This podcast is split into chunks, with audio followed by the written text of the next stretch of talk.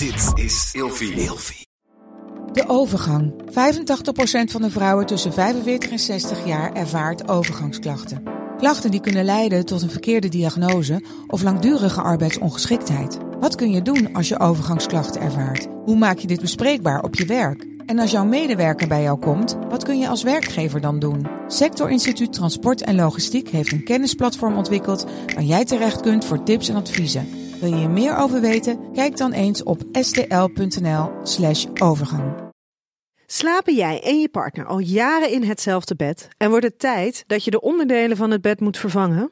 Dit is het perfecte moment om je gehele bed te vernieuwen. Je krijgt namelijk extra korting bovenop de lopende kortingen bij Emma Sleep met de code RELATIEVRAGEN in hoofdletters. Dus ga snel naar emmasleep.nl en bestel jouw bed.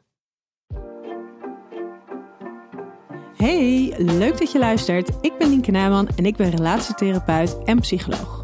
Je kunt me kennen van mijn podcast Seks, Relaties en Liefdes of van mijn boek De Relatie APK. Vandaag beantwoord ik de volgende relatievraag. Kun je verliefd zijn zonder dat je seksueel aangetrokken bent tot die ander?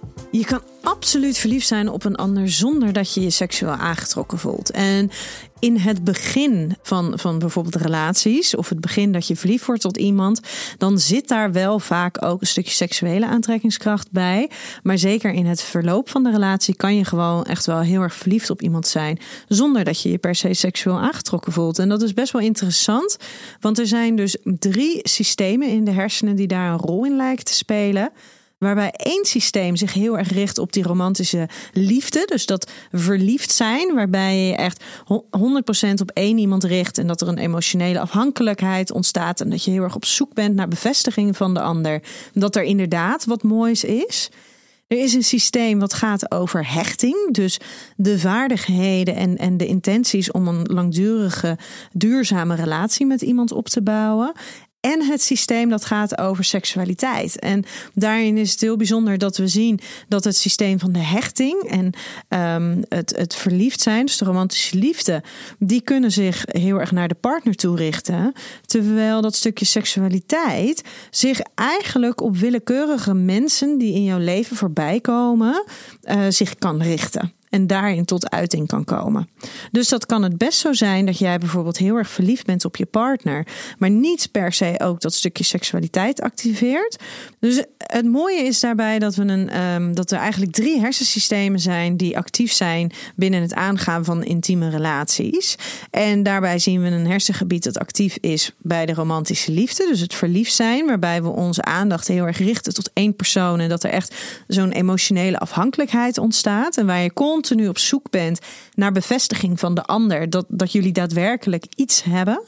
Er is het gebied dat actief is rondom hechting, wat gaat over de vaardigheden en de intenties om een langdurig duurzame relatie met iemand aan te gaan. En er is het hersengebied van seksualiteit. En we zien daarin dus dat mensen zich wel degelijk in de romantische liefde kunnen hechten aan één persoon. En dat ze heel erg verliefd zijn op iemand, maar dat het hersengebied rondom seksualiteit helemaal niet zo actief is. Dus datgene wat heel veel mensen al eerder hebben ervaren, namelijk ik ben heel erg gek op mijn partner en ik ben heel erg verliefd op mijn partner, maar dat stukje seksuele aantrekkingskracht, dat is er niet.